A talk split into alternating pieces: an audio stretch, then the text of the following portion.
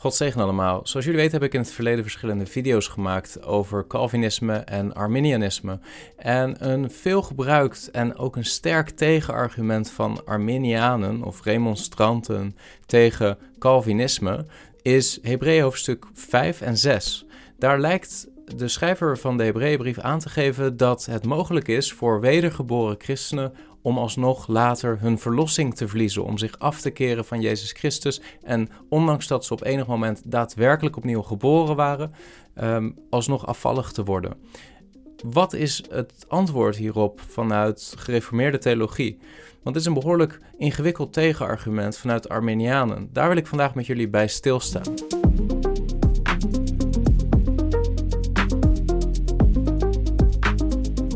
Als je Hebreeën hoofdstuk 5, vers 10 tot 14 en vervolgens hoofdstuk 6 gaat lezen, dan lijkt het er in de eerste lezing heel sterk op dat de auteur van de Hebreeënbrief aangeeft dat het mogelijk is voor ware wedergeboren christenen om alsnog afvallig te worden en hun verlossing te verliezen. Om als het ware op enig moment een waarachtig kind van God te zijn en later in je leven alsnog verloren te gaan. Als je Hebreeën voor het eerst leest, de Hebreeënbrief, maar specifiek uh, hoofdstuk 6 en die versen en de waarschuwingen die we daar vinden, dan is het bijna onvoorstelbaar dat een andere interpretatie van die versen mogelijk is. En wanneer Calvinisten en Arminianen met elkaar in discussie zijn, dan wordt er maar al te gemakkelijk naar Hebreeën hoofdstuk 6 verwezen en worden die versen gelezen en gebruikt als bewijs tegen het idee dat God de zijnen vasthoudt, dat Christus zijn schapen vasthoudt in zijn hand. Um, daar worden die gemakkelijk voor ingezet. Maar ik wil je vandaag laten zien dat eigenlijk deze versen waarschijnlijk over heel andere mensen gaan dan wedergeboren christenen. Dat het over een heel ander soort situatie gaat. Ik heb in uh, eerdere video's al wel eens een algemene introductie gegeven in de Hebreeënbrief.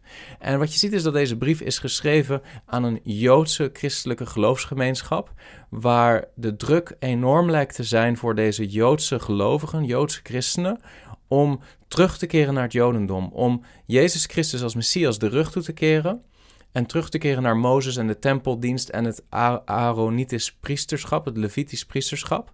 Ehm, en vervolgens als het ware weer hun zekerheid en hun vaste grond te vinden in het Judaïsme en niet in Jezus Christus. Dat is de context van de Hebreeënbrief en uh, ik zal je laten zien dat die context eigenlijk ook van toepassing is op deze versen. Het is niet zozeer een brief die gericht is aan uh, als het ware jonge christenen en die vergelijkt met geestelijk volwassen christenen.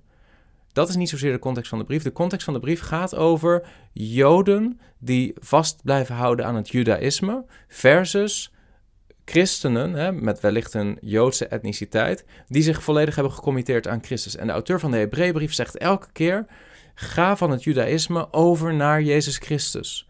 Omdat, dat is zijn argument, Mozes en de profeten en uh, het hele schaduwsymbolisch systeem van het Oude Testament eigenlijk vooruitwijst naar Jezus Christus als de vervulling van dat alles. Nou, laten we eens kijken naar de versen waar we het over hebben. Uh, ik ga die versen niet vers voor vers helemaal doornemen, maar mijn doel is om als het ware te laten zien hoe je deze versen waarschijnlijk contextueel gezien het best kunt lezen, om je vervolgens ook te laten zien dat het niet zozeer gaat over wedergeboren christenen die hun verlossing verliezen, maar over een andere situatie, een andere groep mensen. Hebreeën 5 vanaf vers 11. Over hem hebben wij veel dingen te zeggen, die moeilijk zijn om uit te leggen, omdat u traag geworden bent in het horen. Want hoewel u gelet op de tijd leraars zou moeten zijn, hebt u weer iemand nodig die u onderwijst in de grondbeginselen van de woorden van God. U bent geworden als mensen die melk nodig hebben en niet vast voedsel. Ieder immers die van melk leeft is onervaren in het woord van de gerechtigheid, want hij is een kind. Maar voor de volwassenen is er het vaste voedsel, voor hen die hun zintuigen door het gebruik ervan geoefend hebben om te kunnen onderscheiden tussen goed en kwaad. En dan komen in hoofdstuk 6. Vers 1. Laten wij daarom het eerste onderwijs met betrekking tot Christus laten rusten en doorgaan tot de volmaaktheid, zonder opnieuw het fundament te leggen van bekering van dode werken en van het geloof in God, van de leer van de dopen en van de handoplegging, van de opstanding van de doden en van het eeuwig oordeel. En dat zullen wij ook doen als God het toestaat. Want, let goed op vers 4 van hoofdstuk 6, het is onmogelijk om hen die eens verlicht zijn geweest, die de hemelse gaven geproefd hebben en deelgenoot zijn geworden van de Heilige Geest, en die het goede woord van God geproefd hebben en de krachten van de komende wereld, en die daarna afvallig worden, weer opnieuw tot bekering te brengen, omdat zij voor zichzelf de Zoon van God opnieuw kruisigen en openlijk te schande maken. Want de aarde die de regen indringt, die er dikwijls op valt, en die nuttig gewas voortbrengt, voor hen door wie hij ook bewerkt wordt, ontvangt zegen van God. Maar de aarde die dorens en distels voortbrengt, is verwerpelijk en de vervloeking nabij, waarvan het einde tot verbranding leidt. Ook al spreken wij zo, geliefden, wat u betreft zijn wij echter overtuigd van betere dingen die met de zaligheid samenhangen. Tot zover. Als je die versen leest, op het eerste oog is er een heel duidelijke waarschuwing aan wedergeboren christenen dat zij niet Christus terug toe moeten keren, dat zij niet afvallig mogen worden, want op het moment dat zij dat zullen doen, zullen zij niet opnieuw tot bekering kunnen komen. Dat is in eerste instantie wat je zou denken. Maar vergeet niet dat wanneer we deze versen lezen, dat de context, de bredere context van de brief, uh, is waar je moet beginnen. En die bredere context van de brief gaat niet zozeer over uh, geestelijk onvolwassen christenen versus geestelijk volwassen christenen. Nee, de context van de brief gaat over Joden, waarvan een deel blijft vasthouden aan het Judaïsme en nog niet is binnengegaan in de rust van het evangelie van Jezus Christus, als het ware wel de prediking heeft gehoord, hè, wel de zaligheid van het evangelie tot zich heeft kunnen nemen, maar ervoor kiest om niet in beweging te komen, om niet de rust binnen te gaan door het geloof in Jezus Christus. Zij zijn misschien wel intellectueel gezien overtuigd, maar ze hebben zich niet gecommitteerd aan Jezus Christus als hun Heer en ze hebben niet in geloofsvertrouwen zijn ze genaderd tot de troon van genade. Deze mensen zijn passief. Deze mensen blijven in deze joods-christelijke gemeenschap zitten, maar committeren zich eigenlijk niet aan Jezus als Messias. Dat is de context. En de, de opdracht van de schrijver van de brief is steeds opnieuw: ga tot Jezus Christus, ga tot de troon van genade, ga binnen in de rust van het geloof in Jezus Christus. Dat is de waarachtige Sabbat, de rust die we ontvangen wanneer we gaan tot Jezus Christus. Um, de Hebreeënbrief is een waarschuwing aan die Joodse christenen die als het ware twijfelen. Zal ik gaan tot Jezus als Messias of zal ik mijn zekerheid blijven zoeken in het oud-testamentisch, oud-verbondisch systeem? De tempeldienst, hè, het Levitisch priesterschap, Mozes, de oud-testamentische profeten. En als het ware, zeker onder druk van vervolging door het Romeinse Rijk, maar ook misschien door druk van niet-christelijke Joodse familieleden, zal ik ervoor kiezen om toch bij het Judaïsme te blijven en op die manier een gemakkelijker leven te hebben. Dat is de bredere context van de brief en dat is de context die je voor ogen moet houden als je deze verse interpreteert. Hebreeën 13, vers 22, daar lezen we ook: Overigens roep ik u ertoe op, broeders, deze woorden van vermaning te verdragen, ook al heb ik u slechts in het kort geschreven. Dus de, de schrijver verwijst naar zijn hele brief als woorden van vermaning. Het is een waarschuwingsbrief. De Hebreeënbrief heeft ook zo'n vijf waarschuwingspassages. Die waarschuwingspassages die beginnen al in hoofdstuk 2, hè? Hebreeën hoofdstuk 2, daar lezen we in 3 en 4. Hoe zullen wij dan ontvluchten als wij zo'n grote zaligheid veronachtzamen, die in het begin door de Heer is verkondigd en die aan ons is bevestigd door hen die hem gehoord hebben? God heeft er bovendien mede getuigenis aan gegeven door tekenen, wonderen en allerlei krachten en gaven van de Heilige Geest overeenkomstig zijn wil. dus wat is het gevaar? Het gevaar is dat wij zo'n grote zaligheid veronachtzamen. Dat we het evangelie van Jezus Christus horen en even ons verplaatsend in deze Joodse geloofsgemeenschap, dat we weliswaar het evangelie van Jezus Christus horen en toch niet tot Hem gaan en Hem aannemen als onze Messias, ondanks alle verschillende wonderen en tekenen die verricht zijn door de handen van de apostelen, die zij ook hadden uh, ontvangen en gezien aan het begin. Uh, ondanks al die bevestiging die de Heer zelf had gegeven, de gave van de Heilige Geest, ondanks dat alles niet zich committeren aan Jezus als Messias, als redder. Dat was het gevaar. Dat zien we ook in Hebreeën 4, vers 1 tot 3. Laten wij er dan beducht voor zijn dat iemand van u ooit schijnt achter te blijven. Dat is het gevaar, achterblijven. Terwijl de belofte om in zijn rust binnen te gaan nog van kracht is, want ook aan ons is het evangelie verkondigd evenals aan hen, maar het gepredikte woord bracht hun geen voordeel, omdat het niet met geloof gepaard ging bij hen die het hoorden. Wij die tot geloof gekomen zijn, gaan immers de rust binnen. Zoals hij gezegd heeft, daarom heb ik in mijn toorn gezworen, mijn rust zullen zij niet binnengaan, en dat terwijl zijn werken al sinds de grondlegging van de wereld voltooid zijn. Dus, met andere woorden, het grotere plaatje van de Hebreeënbrief is: ga binnen in de rust. Committeer je aan Jezus Christus. Ga tot de troon van genade. Het is een opdracht om in geloof te gaan tot Jezus en Hem aan te nemen als redder en zaligmaker. Dat is de grotere, overkoepelende boodschap van de Hebreeënbrief. En komen we dan in Hebreeën hoofdstuk 5, hè, vers 11, dan lezen we: Over Hem hebben wij veel dingen te zeggen. Hem is in dit geval Melchizedek als typebeeld voor Jezus Christus. Hè. Dus eigenlijk zeggen ze over hem, over Jezus, hebben wij veel dingen te zeggen die moeilijk zijn om uit te leggen. Waarom zijn die dingen dan moeilijk om uit te leggen in de context? dan staat er omdat u traag geworden bent in het horen. Het is niet zozeer dat het moeilijk is om het evangelie uit te leggen. Het is niet zozeer dat het moeilijk is om te vertellen over Jezus. Hè? Want Jezus zelf heeft gezegd, uh, toen hij bad tot zijn vader, zei ik dank u vader, heren van de hemel en van de aarde, Matthäus 11 vers 25, dat u deze dingen voor wijzen en verstandigen verborgen hebt en ze aan jonge kinderen hebt geopenbaard. Het is niet zozeer dat de dingen die de schrijver van de Hebreeënbrief wil uitleggen moeilijk zijn om uit te leggen, omdat die dingen complex zijn of alleen wij en verstandigen ze kunnen begrijpen. Nee, waarom het moeilijk is om uit te leggen, is omdat de toehoorders traag geworden zijn in het horen. en dat, dat zijn dingen waarvan Jezus ook heeft gewaarschuwd dat ze zeker bij het Joodse volk heel erg van toepassing zijn. Jezus zegt in Matthäus 13, vers 14 en 15 dat er staat, en in hen wordt de profetie van Jezaja vervuld, die zegt, met het gehoor zult u horen, maar beslist niet begrijpen, en ziende zult u zien, maar beslist niet opmerken, want het hart van dit volk is vet geworden, en ze hebben met de oren slecht gehoord, en hun ogen hebben zij dicht gedaan, opdat zij niet op enig moment met de ogen zouden zien, en met de oren horen, en met het hart begrijpen, en zij zich zouden bekeren, en ik hen zou genezen. Dit is in feite, en ik geloof dat dat de beste manier is om dit gedeelte van de Hebreeënbrief ook te lezen, dit is het probleem de toehoorders, hè, deze gemengde geloofsgemeenschap van enerzijds Joodse christenen die wedergeboren zijn en anderzijds Joodse mensen die wel in deze gemeenschap zitten en het evangelie week in week uit gepredikt horen worden, maar toch zich niet committeren aan Jezus Christus om wat voor reden dan ook. Deze mensen horen het evangelie, ze worden er telkens aan blootgesteld en toch blijven ze passief. Toch gehoorzamen ze niet aan de oproep om Jezus aan te nemen als redder en heer en op die manier in te gaan in de rust. Dit wordt verder ondersteund door wat we lezen in Hebreeën 6 vers 7. Er staat, want de aarde die de regen indringt, die er dikwijls opvalt. Hè, dus de schrijver vergelijkt zijn toehoorders met aarde die de regen indringt, die er dikwijls opvalt. Dit is de regen van de prediking van het evangelie. En in deze joods-christelijke geloofsgemeenschap wordt week in, week uit het evangelie van Jezus Christus gepredikt. En toch zijn er verschillende joden die terug willen naar het judaïsme. Die als het ware terug willen om hun zekerheid te zoeken in oud-testamentische waarheden. En daarmee Jezus als redder willen verloochenen. Als het ware hem opnieuw kruisigen als Messias. Dat is de context hier. Vers 12 van hoofdstuk 5. Want hoewel u gelet op de tijd leraar zou moeten zijn, hebt u weer iemand nodig die u onderwijst in de grondbeginselen van de woorden van God. U bent geworden als mensen die melk nodig hebben, niet vast voedsel. En wat bedoelt hij met je zou leraars moeten zijn naar de tijd gerekend? Dus als het ware, als jullie opnieuw geboren zouden zijn, als jullie Jezus waarlijk hadden aangenomen als redder en Messias, dan zouden jullie door het normale geestelijke groeiproces inmiddels op een punt moeten zijn gekomen dat jullie leraar zouden zijn van het evangelie. In plaats daarvan hebben jullie het nu weer nodig dat iemand jullie onderwijst in de grondbeginselen van de woorden van God.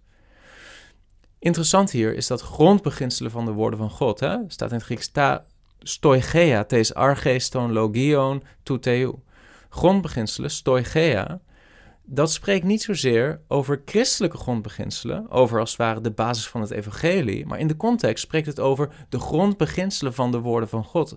Vanuit een judaïstisch, vanuit een joods referentiekader, gaat over het Oude Testament. Hij zegt als het ware, ik wil jullie vertellen over Jezus Christus door middel van typebeelden uit het Oude Testament, zoals Melchizedek.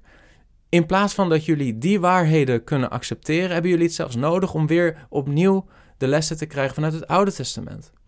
u bent geworden als mensen die melk nodig hebben, niet vast voedsel. Wat hij bedoelt qua melk is niet de beginselen van het christelijk geloof. Wat hij bedoelt is, jullie hebben het opnieuw nodig dat de melk van oud-testamentische openbaring, de grondbeginselen van de woorden van God, de, de woorden die God heeft gegeven in het begin, de openbaring die God heeft gegeven in het begin aan het volk Israël, is het Oude Testament. Mozes, de wet, de profeten, dat is de melk waar in de context over wordt gesproken. Het gaat hier niet zozeer over wedergeboren christenen. Het gaat hier om Joden die als het ware in het begin zoveel onderwijs hebben gehad rondom de wet, die nu op een punt zouden moeten zijn gekomen dat ze zouden moeten inzien dat de wet er was om hen te leiden tot het vaste voedsel van Jezus Christus.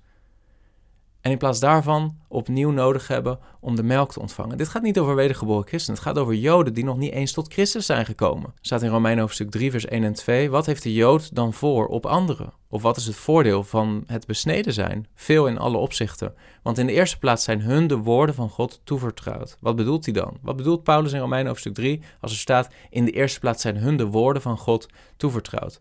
Gaat over het Oude Testament. Gaat over de Oud-testamentische openbaring, niet het Nieuwe Testament. Vergelijk dit met wat er staat in vers 13. Ieder immers die van melk leeft, is onervaren in het woord van de gerechtigheid, want hij is een kind. Vers 14. Maar voor de volwassenen is er het vaste voedsel voor hen die hun zintuigen door het gebruik ervan geoefend hebben om te kunnen onderscheiden tussen goed en kwaad. Dan zeg je maar, broeder Chris, uh, dat beeld van melk en vast voedsel, dat gebruikt Paulus toch ook in 1 Korinthe hoofdstuk 3. En dan gaat het wel degelijk over wedergeboren christenen die als ware baby's zijn in Christus en geestelijk volwassen mensen die als ware volwassen zijn in Christus. Dat is inderdaad wat het betekent in 1 Korinthe hoofdstuk 3. Maar een type beeld betekent niet overal in de Bijbel hetzelfde. Dat is een grote fout in Bijbelinterpretatie, is dat je een type beeld in een bepaald Bijbelboek één op één gebruikt om een type beeld in een ander Bijbelboek uit te leggen, terwijl er een andere auteur is, een andere context, een andere manier waarop een type beeld gebruikt wordt. In 1 Korinthe hoofdstuk 3 vers 1 tot 3 zegt Paulus dit. En ik, broeders, kom niet tot u spreken als tot mensen die geestelijk zijn, maar als tot mensen die nog vleeselijk zijn, als tot jonge kinderen in Christus. Ik heb u met melk gevoed en niet met het vaste voedsel, want dat kon u nog niet verdragen. Ja, u kunt dat ook nu nog niet, want u bent nog vleeselijk. Als er immers onder u afgunst is en ruzie en tweedracht, bent u dan niet vleeselijk en wandelt u dan niet naar de mens? Broeder Chris, is toch duidelijk hier dat dit gaat over wedergeboren christenen? Ja, in 1 Korinthe hoofdstuk 3 wordt dat beeld van melk en vast voedsel en van kind zijn en nog niet volwassen zijn, wordt inderdaad gebruikt om een groeiproces van wedergeboren christenen te benoemen. Maar kijk eens hoe Paulus hetzelfde beeld, ongeveer hetzelfde beeld gebruikt in de Galatenbrief. Want daar gaat het over andere uh, principes. Galaten 3, vers 21. Is dan de wet in strijd met de belofte van God? Volstrekt niet. Want als er een wet gegeven was die in staat was leven te maken, dan zou de gerechtigheid werkelijk uit de wet zijn. Maar de schrift heeft alles onder de zonde opgesloten, opdat de belofte aan de gelovigen gegeven zou worden door het geloof in Jezus Christus. Voordat het geloof echter kwam, werden wij door de wet bewaakt, als gevangenen opgesloten, totdat het geloof geopenbaard zou worden. Zo dan is de wet onze leermeester geweest tot Christus, opdat wij uit het geloof gerechtvaardigd zouden worden. Maar nu het geloof gekomen is, zijn wij niet meer onder een leermeester. Gelaten 4 vers 1. Ik zeg echter, zolang de erfgenaam een onmondig kind is, verschilt hij in niets van een slaaf, hoewel hij heer is van alles. Maar hij staat onder voogden en beheerders, tot het tijdstip dat de vader van tevoren heeft bepaald. Zo waren ook wij, toen wij nog onmondige kinderen waren, als slaven onderworpen aan de grondbeginselen. Wordt hetzelfde Griekse woord gebruikt trouwens, stoigea van de wereld. Maar toen de volheid van de tijd gekomen was, zond God zijn zoon uit, geboren uit een vrouw, geboren onder de wet, om hen die onder de wet waren vrij te kopen, opdat wij de aanneming tot kinderen zouden ontvangen. Hier gebruikt Paulus een ander beeld. Hier laat hij zien dat de Jood, die nog niet opnieuw geboren is, die nog niet geconfronteerd is met het evangelie, is als het ware als een kind. Hij is onder de wet. En de wet is een leermeester tot Christus. Dat kind moet als het ware groeien van de melk van de wet om op een gegeven moment te komen tot het punt dat hij doorheeft, ik moet eigenlijk, ik heb de Messias nodig, ik moet tot Christus gaan. Jezus laat het ook zien, het hele Oude Testament, Mozes en de profeten. Alles was een voorafschaduwing van de komst van Jezus Christus. En het Joodse volk moest door middel van de wet en de profeten en de Oud-testamentische geschriften tot het punt komen dat ze zouden beseffen: wij hebben de Messias nodig, we hebben een Christus nodig. En toen Jezus kwam, toen werden ze als het ware geacht geestelijk volwassen te worden door hun Messias aan te nemen. Dat is een ander beeld wat gebruikt wordt. En ik geloof dat dat het beeld is wat de Hebreeënbriefschrijver ook gebruikt. Hij laat als het ware zien, de melk die het Joodse volk nodig had, was het Oude Testament. Dat was wat ze nodig hadden, vers 14, om zich te oefenen in het kunnen onderscheiden van goed en kwaad. Hè? Goed en kwaad, de wet. Uh, Gods morele principes. Gods karakter, zijn morele karakter leren kennen, om op een punt te komen dat ze zouden doorhebben dat ze niet in staat zijn om uit eigen kracht God te behagen en zijn wet te houden. Om vervolgens te komen op het punt dat zij het vaste voedsel zouden accepteren en tot zich zouden nemen van het woord van gerechtigheid. Wat wordt daar dan mee bedoeld? Vers 13. Wat is dat woord van gerechtigheid? Het woord van gerechtigheid is het woord van rechtvaardiging, van het evangelie, van rechtvaardigmaking door geloof. dat zie je ook elders in de Hebreeënbrief, Hebreeën 11 vers 7. Daar lezen we, door het geloof heeft Noach, toen hij een aanwijzing van God ontvangen had van de dingen die nog niet te zien waren, uit ontzag voor God de ark gebouwd tot redding van zijn gezin. Daardoor heeft hij de wereld veroordeeld en is hij een erfgenaam geworden van de gerechtigheid, van de rechtvaardigheid, de dikaiosune, die overeenkomstig het geloof is. Dus het woord der gerechtigheid is rechtvaardigmaking uit geloof. Dat is het beeld wat de Hebreeënbriefschrijver gebruikt. Het gaat niet om iemand die opnieuw geboren is. Gaat niet om iemand die een kind is in Christus. Het gaat om iemand die geestelijk nog een kind is in de zin dat hij nog niet tot Christus is gekomen, dat hij onder de wet is, dat hij nog onder de leermeester is. Dat is de melk. Het vaste voedsel is het woord van gerechtigheid, is het evangelie van Jezus Christus. Dat is de context. En dan komen we in Hebreeën 6, vers 1 tot 9. En dan zeg je, broeder Chris, maar dit, wat daar staat gaat toch duidelijk over wedergeboren christenen? Ik geloof van niet. En er zijn andere Bijbelleraren, zoals John MacArthur, hè, maar ook James White, die ook ondersteunen dat dit niet zozeer gaat over wedergeboren christenen. Dit gaat over Joden die nog twijfelen: zal ik wel of niet tot Christus gaan? Is dat inderdaad de vervulling van de oud-testamentische schaduwbeelden? Of moeten we blijven bij Mozes en de profeten? Het gaat over Joden die op de, op de wip zitten, twijfelen: zal ik gaan tot Christus of blijven bij Mozes? Dat is waar dit over gaat. Hebreeën 6, vers 1. Laten wij daarom het eerste onderwijs met betrekking tot Christus laten rusten. Het eerste onderwijs met betrekking tot de Messias. Zeg ik, Christus, dat gaat toch over, als het ware, de alfa-cursus van het christelijk geloof. Dit gaat toch over de basisbeginselen van het evangelie van Jezus Christus? Waarschijnlijk niet. Daar gaat dit niet zozeer over. Wat is het eerste onderwijs aangaande de Messias? Wat is het eerste onderwijs met betrekking tot Christus? Wat, was, wat waren de grondbeginselen van het spreken van God? Niet het Nieuwe Testament, niet het Matthäus-evangelie, het Marcus-evangelie, Lucas-evangelie of Johannes-evangelie. Nee, het Oude Testament. De openbaring van God vanuit het Oude Testament, dat was het eerste onderwijs met betrekking tot Christus. Dat was de leermeester tot Christus. En dat wordt verder ondersteund door het idee dat de auteur hier zegt: laten we dan het eerste onderwijs met betrekking tot Christus laten rusten. Er staat daar een heel Grieks sterk woord. Hij zegt als het ware: laten we dat verlaten, laten we verder gaan, laten we daar niet blijven. Het is precies dezelfde boodschap als in de rest van de Hebreeënbrief. Als ware, blijf niet bij Mozes. Blijf niet bij het oud-verbondisch priesterschap. Blijf niet bij de oud-verbondische offers. Maar ga nu tot de volmaaktheid. Wat is dan de volmaaktheid? Jezus Christus. Ga tot Jezus Christus. Neem hem aan als redder. Neem hem aan als hoge priester. Neem hem aan als het volmaakte offer van God. Neem hem aan als de volmaakte middelaar tussen God en mensen. Dat is het hele betoog van de Hebreeënbrief. Dezelfde boodschap klinkt hier. Laten we het eerste onderwijs met betrekking tot Christus laten rusten. Wat dan? De schaduwen van het Oude Testament. De leermeester tot Christus laten rusten en laten we nu gaan tot de volmaaktheid. Het gaat niet over een soort volmaakt moreel karakter. Dat is helemaal niet de context. De context is gaan tot de volmaaktheid van Jezus Christus, die het volmaakte offer is. Dus dit, dit is eigenlijk een boodschap, als je het zo leest, die geadresseerd is aan mensen die nog niet opnieuw geboren zijn, die überhaupt nog moeten gaan tot Jezus Christus. En dan zegt hij erachteraan, zonder opnieuw het fundament te leggen van bekering van dode werken. Is dat een specifieke waarheid van het christelijk geloof? Bekering van dode werken? Nee, bekering van dode werken is iets wat we in het Oude Testament van Genesis tot aan Malachi tegenkomen. De oproep tot bekering van dode werken. Dat is een oud-testamentische waarheid. Geloof in God. Staat heel aspecifiek. Geloof in God. Dat is een oud-testamentische waarheid. Waar mensen werden opgedragen te vertrouwen op God van de leer van de dopen. Zeg je, broeder Christus, het gaat toch over dopen? Gaat toch over de waterdoop? Gaat toch over de doop in de Heilige Geest? Nee, het Griekse woord kun je net zo goed vertalen als de reinigingsrituelen van het Oude Testament. De, de reinigingsrituelen rondom de tempel. Het wassen in het wasvat. De reinigingsrituelen die Joden aanhielden rondom hun huis.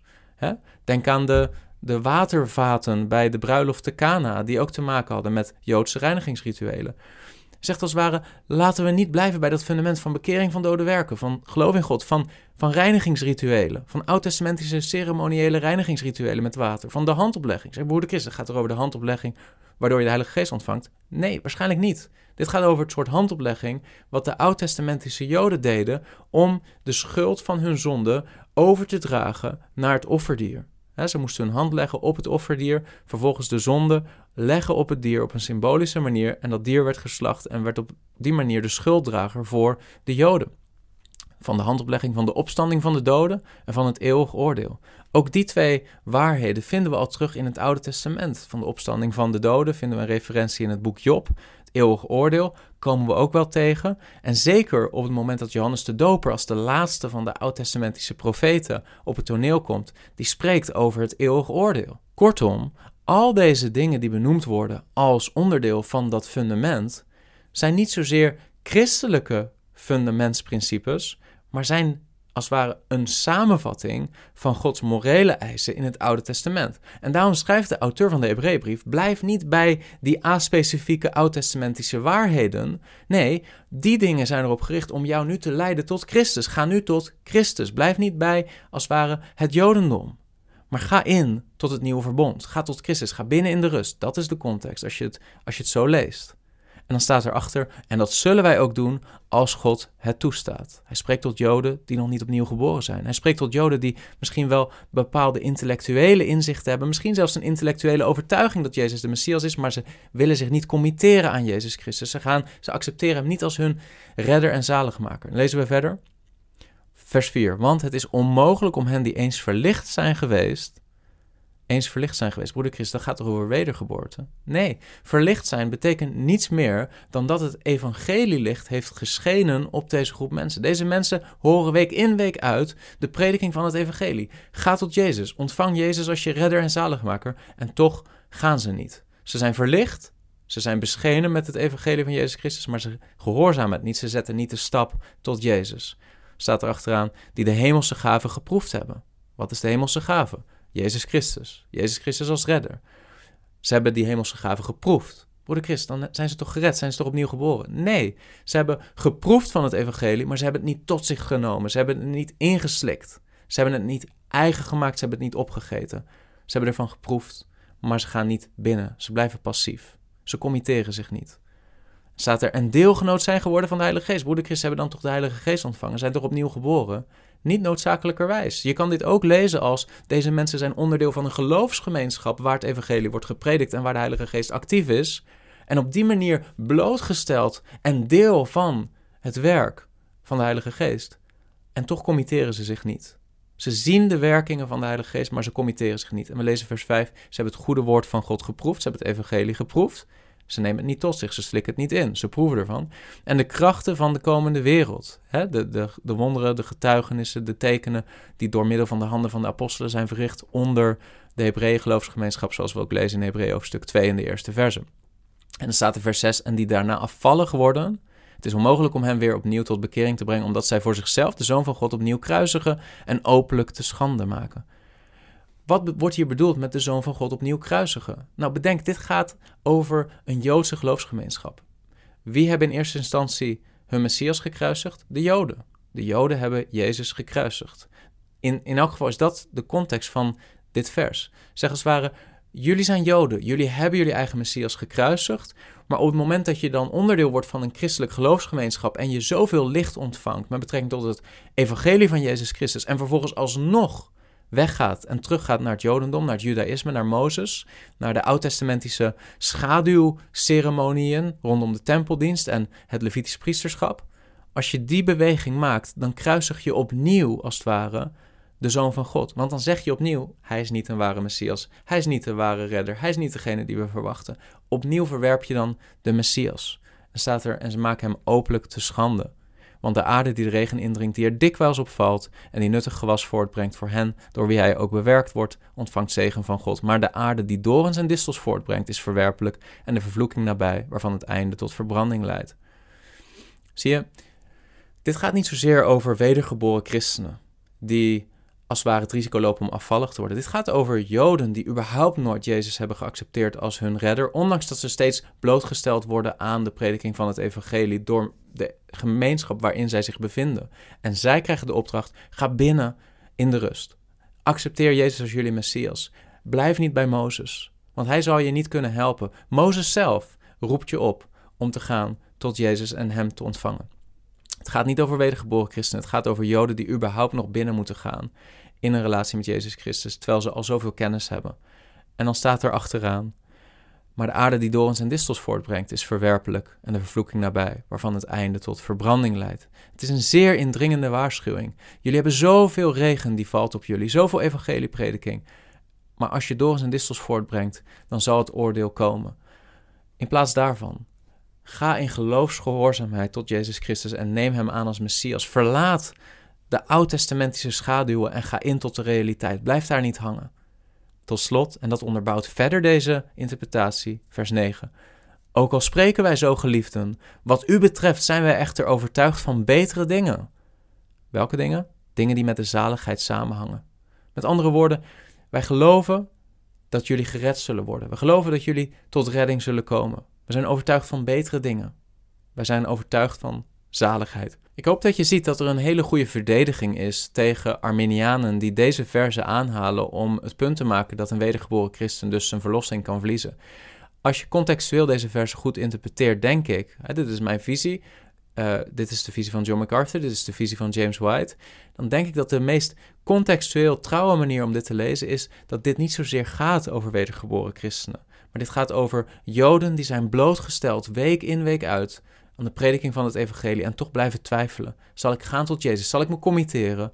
Of zal ik toch blijven bij Mozes? Zal ik blijven bij het Oude Testament? Zal ik blijven bij de offerdienst?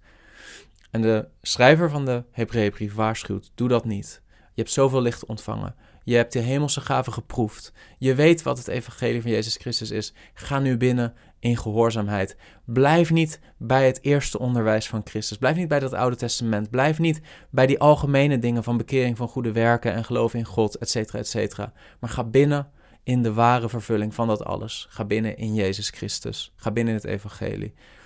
En op het moment dat die beweging wordt gemaakt, is iemand pas wedergeboren en is iemand pas werkelijk gered. En dan geloof ik, en ik geloof dat dat is wat de Bijbel onderwijst, dat iemand zijn verlossing niet zal verliezen. Waarom? Omdat Jezus een persoon niet zal loslaten. Wie tot Jezus Christus komt, wie opnieuw geboren wordt door de genade van de Heilige Geest, die wordt vastgehouden door Jezus. En Jezus zal niet toelaten dat iemand uit zijn hand zal wegvallen of ontrukt worden. De Vader bewaart zijn kinderen en zal niet toelaten dat zijn kinderen alsnog verloren zullen gaan. Ik hoop dat je iets hebt gehad aan deze video. Het is misschien wat lang geworden, maar het is belangrijk om. Dit is een van de meest krachtige tegenargumenten van Armenianen tegen Calvinisme. Het is belangrijk, denk ik, dat je die goed bestudeert, tot je door laat dringen. En het is ook belangrijk voor je persoonlijke leven met Jezus Christus. Want als jij een opnieuw geboren christen bent en je blijft twijfelen of dat God je misschien toch verloren zal laten gaan. Ik geloof ten diepste dat het Nieuwe Testament onderwijst dat als je opnieuw geboren bent, ben je een kind van God, hoef je niet bang te zijn dat Hij je los zal laten. Hij zal je vasthouden, Hij zal je bewaren, want God is getrouw. Ik hoop dat deze video nuttig was voor jou. Als dat zo is, druk dan op like. En wil je vaker dit soort apologetische video's zien, abonneer dan op dit kanaal. Tot de volgende keer.